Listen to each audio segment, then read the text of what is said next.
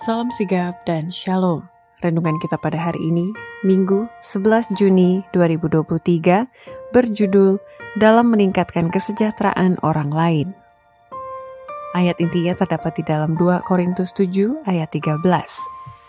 Sebab itulah kami menjadi terhibur, dan selain penghiburan yang kami peroleh itu, kami lebih bersuka cita oleh karena sukacita Titus, sebab kamu semua menyegarkan hatinya Pena Inspirasi menuliskan yang dimaksud dengan judul renungan kita pagi ini dalam meningkatkan kesejahteraan orang lain adalah sebuah panggilan kehidupan yang praktis agar kita senantiasa menunjukkan sukacita sosial sebagai faktor yang menunjang kebahagiaan sejati dan sarana untuk memulihkan hubungan kita secara vertikal kepada Tuhan dan horizontal dengan sesama sebagai berikut.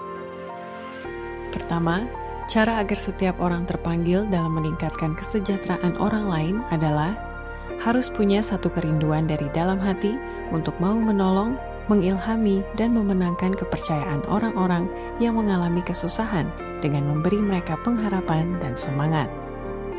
Bila mana menemui orang yang dilanda kesusahan dan yang tertindas, yang tidak tahu ke mana mencari kelepasan, masukkan hatimu dalam usaha menolong mereka Bukanlah maksud Allah agar anak-anaknya akan menutup diri di hadapan mereka, tidak menaruh minat dalam kesejahteraan mereka yang kurang beruntung ketimbang diri mereka sendiri. Ingat bahwa Kristus telah mati bagi Anda dan bagi mereka juga.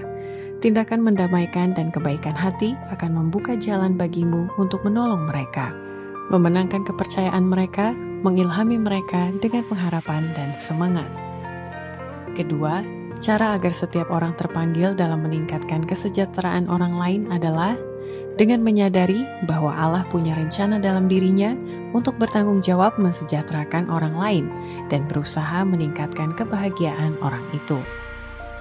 Secara perorangan, kita berhubungan dengan sesama manusia sebagai bagian dari milik Allah secara keseluruhan, dan kita berdiri di bawah kewajiban yang disetujui bersama.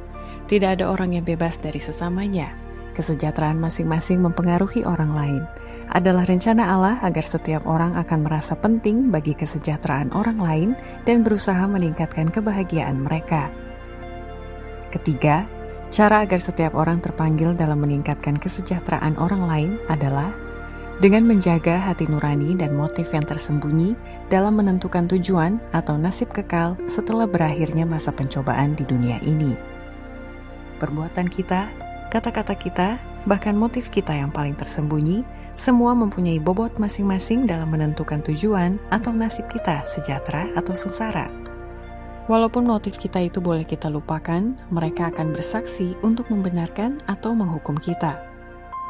Keempat, cara agar setiap orang terpanggil dalam meningkatkan kesejahteraan orang lain adalah dimulai dari pengaruh pendidikan dalam rumah tangga pemulihan dan pengangkatan derajat umat manusia dimulai di dalam rumah tangga.